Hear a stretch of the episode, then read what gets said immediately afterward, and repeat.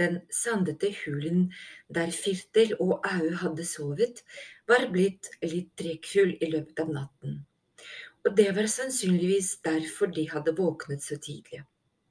Au hadde knepet igjen øynene og rullet seg rundt for å sove videre.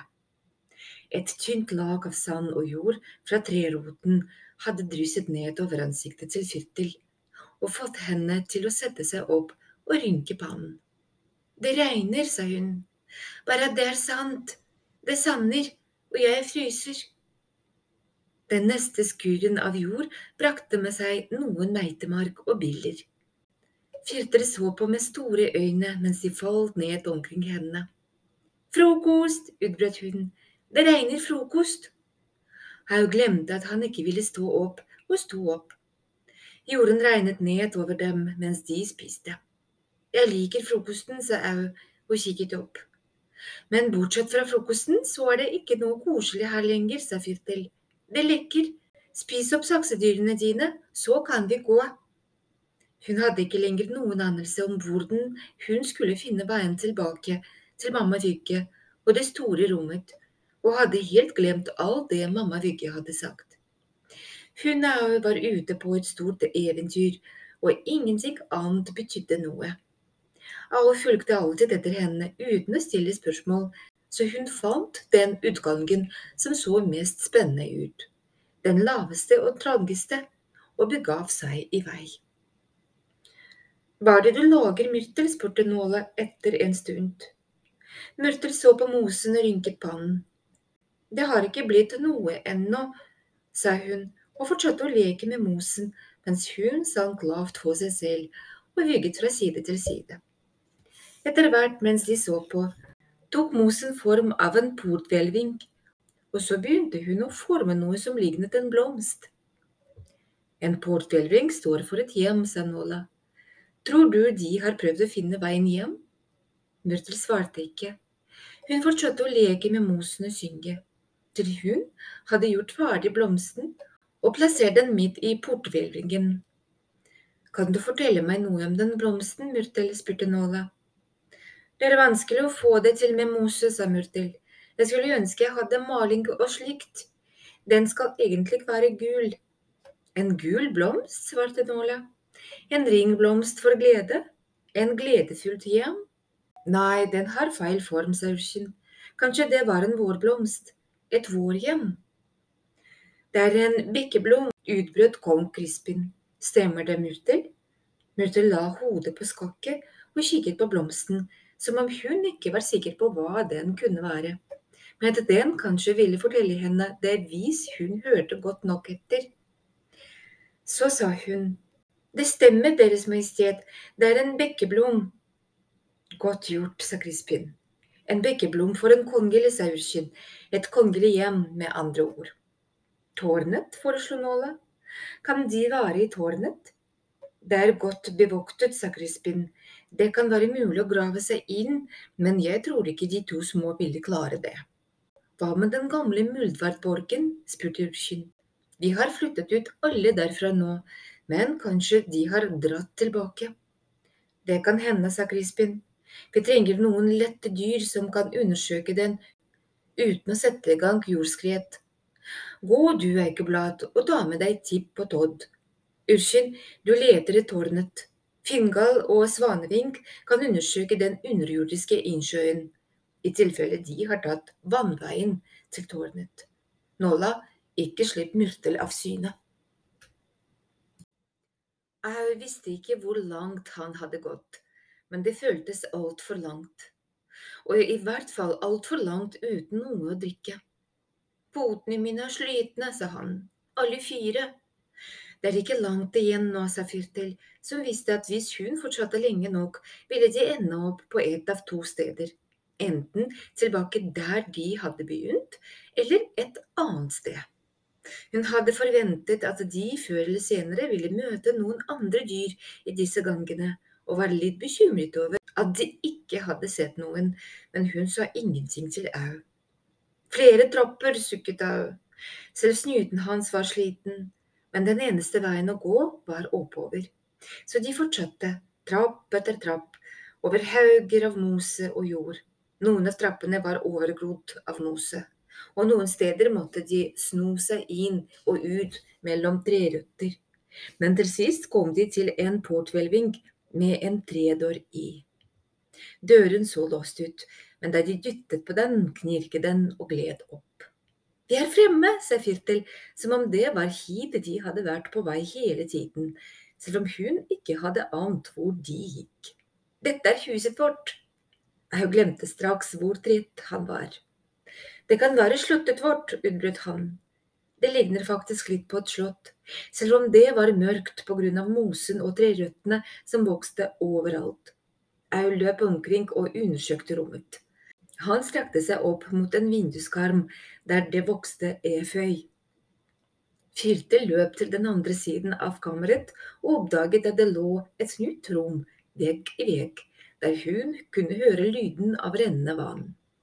Hun åpnet enda en dør og fant en kilde. Det er perfekt, ropte hun. Du har rett, Au, det er et slott. Da de hadde ryddet bort mosen som dekket til vinduene, hadde de en stor, myk haug å lage rede av, et rikelig lager av bilder og en fantastisk utsikt mot sjøen nedenfor. Kammeret var rundt, med vinduer på alle kanter for å slippe inn så mye lys som mulig. Og etter å ha løpt fra den ene til den andre for å kikke ut, omfavnet de hverandre i begeistring. De hadde ikke kunnet forestille seg noe så fullkomment, og nå som de hadde funnet det, var alt annet glemt. Pinnsvinet Bust kom løpende fra tårnet til det Urskin nådde frem. Han hadde hørt ropene til Tyttebær på avstand, og da han så opp, fikk han øye på en knyttet neve i et vindu med gitter foran. En vakt smilte og nikket til Rushin idet han løp forbi, for oppover veggen og jumpet inn gjennom et vindu. God ettermiddag, Urskin, sa muldvarpen Todd, som befant seg inne i galgen. Tyttebær lager mye bråk i dag. Han har holdt på i timevis. Om vi har flaks, har han snart brukt opp det han har av stemme. Frihet! ropte Tyttebær. Vi har måttet sette gitter på vinduet bare for hans skyld, sa Todd og la til litt lavere. 48. En skulle tro han var takknemlig. Han klaget fordi vi tok fra ham stolen. Hvorfor gjorde dere det? spurte Ushin, Fordi han allerede hadde knust den til pinneved og kastet den etter vakten som kom med mat til ham, svarte Todd. Hvordan går det? Kongen vil at du og Tip skal gå og undersøke mudvarpborgen, sa Urskin. De er fremdeles på jakt etter de små pinnsvinene Firtil og og de kan ha forvillet seg inn dit. Prins Eikeblad blir med dere. Flott, sa Todd. Kaptein Padra skulle akkurat til å ta over. Skal bli godt å slippe denne dommedagsprofeten. Dom! ropte Tytteberg fra cellen sin. Hva sa jeg, sa Todd. Det ble enda fire poeng, og så helt på slutten av vakten min. 52! Poeng? spurte Ushin. Det er en lek, herre, sa Todd. Det hjelper oss å fordrive tiden her oppe. To poeng for frihet, fire for dom og seks poeng for død over undertrykkerne. Han sier andre ting også, men de egner seg ikke for gjentagelse, og det føles ikke rett å skulle vinne poeng for dem. Det betyr at å, han stilte seg i givakt. Her kommer kaptein Padra. Tyttebærer i god form, herre. Pest og pine, holder han fortsatt på? spurte Padra. Hei, Urskin, Hør meg! skrek Tyttebær.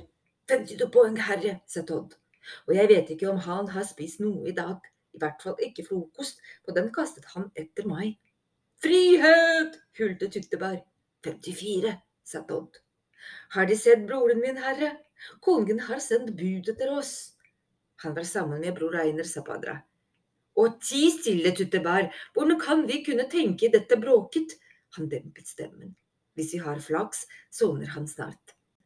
Det merkelige er at det fortsatt kommer en og en hengiven etterfølger innom for å besøke ham, og de er villige til å risikere livet for å få ham ut. Hersen Sekorn, bortsatt fra kongefamilien og ursin her, selvfølgelig, men hersen Sekorn! Jeg tar over nå, Todd. Takk skal De ha, herre, svarte Todd. Spent på om De slår 54, herre. La han til idet han marsjerte av sted nedover gangen. Sult er en god ting, tenkte Tyttebær. Han spiste bare smuler nå, til tross for all maten tårndyrene brakte ham. Urent, tårnet er urent, han krafset med klørne på steinveggene og rev og slet i gitteret. Alt kom an på ham, bare han kunne føre sine etterfølgende gjennom tåken. Tåkemantel ville bli ødelagt, og alle som ikke fulgte ham, ville gå til grunne sammen med den. Og det ville komme flere stormer og oversvømmelser. Selv de fortapte dyrene her i tårnet visste det. Det fantes ingen redning for øyet. Hjertet ville knuse den. Alt han kunne gjøre, var å berge sine etterfølgere. Og seg selv, selvfølgelig. Sulten skjerpet sansene hans, Drømmer og stemmer svømte inn og ut av hodet hans, både mens han sov og når han var våken. Hva var hva? Han ble overveldet av sinne og frustrasjon og kastet seg skrikende fra vinduet mot døren. Ødeleggelse, ropte han igjen og igjen. Ødeleggelse, ødeleggelse, ødeleggelse! Sinnet gikk over i hysteri. Konge, kaptein, falske prest, i ditt skitne, lille tårn, dere skal alle ødelegges. Utenfor cellen vinket padre på pinnsvin Persen Tasse. Hils dronningen fra meg, sa han, og be henne sende noe som kan roe ham ned. Kamille eller noe slikt, men hun vet selv hva som er best, vi kan ikke annet enn å synes synd på ham, Tasse. Selv trenger jeg bare å stå her til vakten min over, og så kan jeg gå min vei, men han har ingen steder å rømme fra seg selv. Utslitt falt Tyttebær om på gulvet og lo hjelpeløst mot tåket. Ødeleggelse, ødelegger, ødelegger, mumlet han. Lyse farger får gjennom hodet hans. Det var som om han hørte sitt eget navn. Tyttebær ødelegger, tyttebær ødelegger. Han satte seg opp mens han ennå lo. Alt virket så klart nå. Å skape noe var enkelt, Enhver dårlig kunne lage en sang, brodere et bildeteppe eller bygge et hus. Han hadde aldri hatt tid til slike ubetydelige ting selv. Dette var den største gjerning av dem alle ødeleggelse. Det var hans skjebne. Han var den utvalgte. Han hadde tatt feil da han trodde at hjertet skulle ødelegge tåkemantel. Hjertet skulle sendt ham for å gjøre det. Det var hans skjebne. Tyttebær, tåkemantelsødelegger, og han måtte begynne med tårnet. Da muldvarpen Tipp hadde forlatt prestens spir, knelte Einar og Bølge i bønnen. Gjennom de åpne vinduene kunne de høre bølgene som slo mot land, slo mot land i en jevn, trygg takt. Einar så for seg CP alene på havet, og havet var hensynsløst. Var hun levende eller død? Han følte at hun levde, at hennes ånd fortsatt var sterk. Han trakk pusten dypt og kjente at det prikket i potene. Bror Einar, sa Bølge, er det noe galt? Einar så ikke ut som han kunne høre ham, og ikke se ham heller. Han satt fullstendig urørlig, så vendte han potene med poteflatene opp og hevet stemmen. En må komme, en må gå. En må gå, og en skal komme. Sorgen vil komme før gleden. Bølge ventet for å høre om det kom noe mer. De fleste profetier var lengre enn dette, og mer innfløkte. Denne var svært enkel. Bølge gjentok den, men han hadde ingen anelse om hva den kunne bety.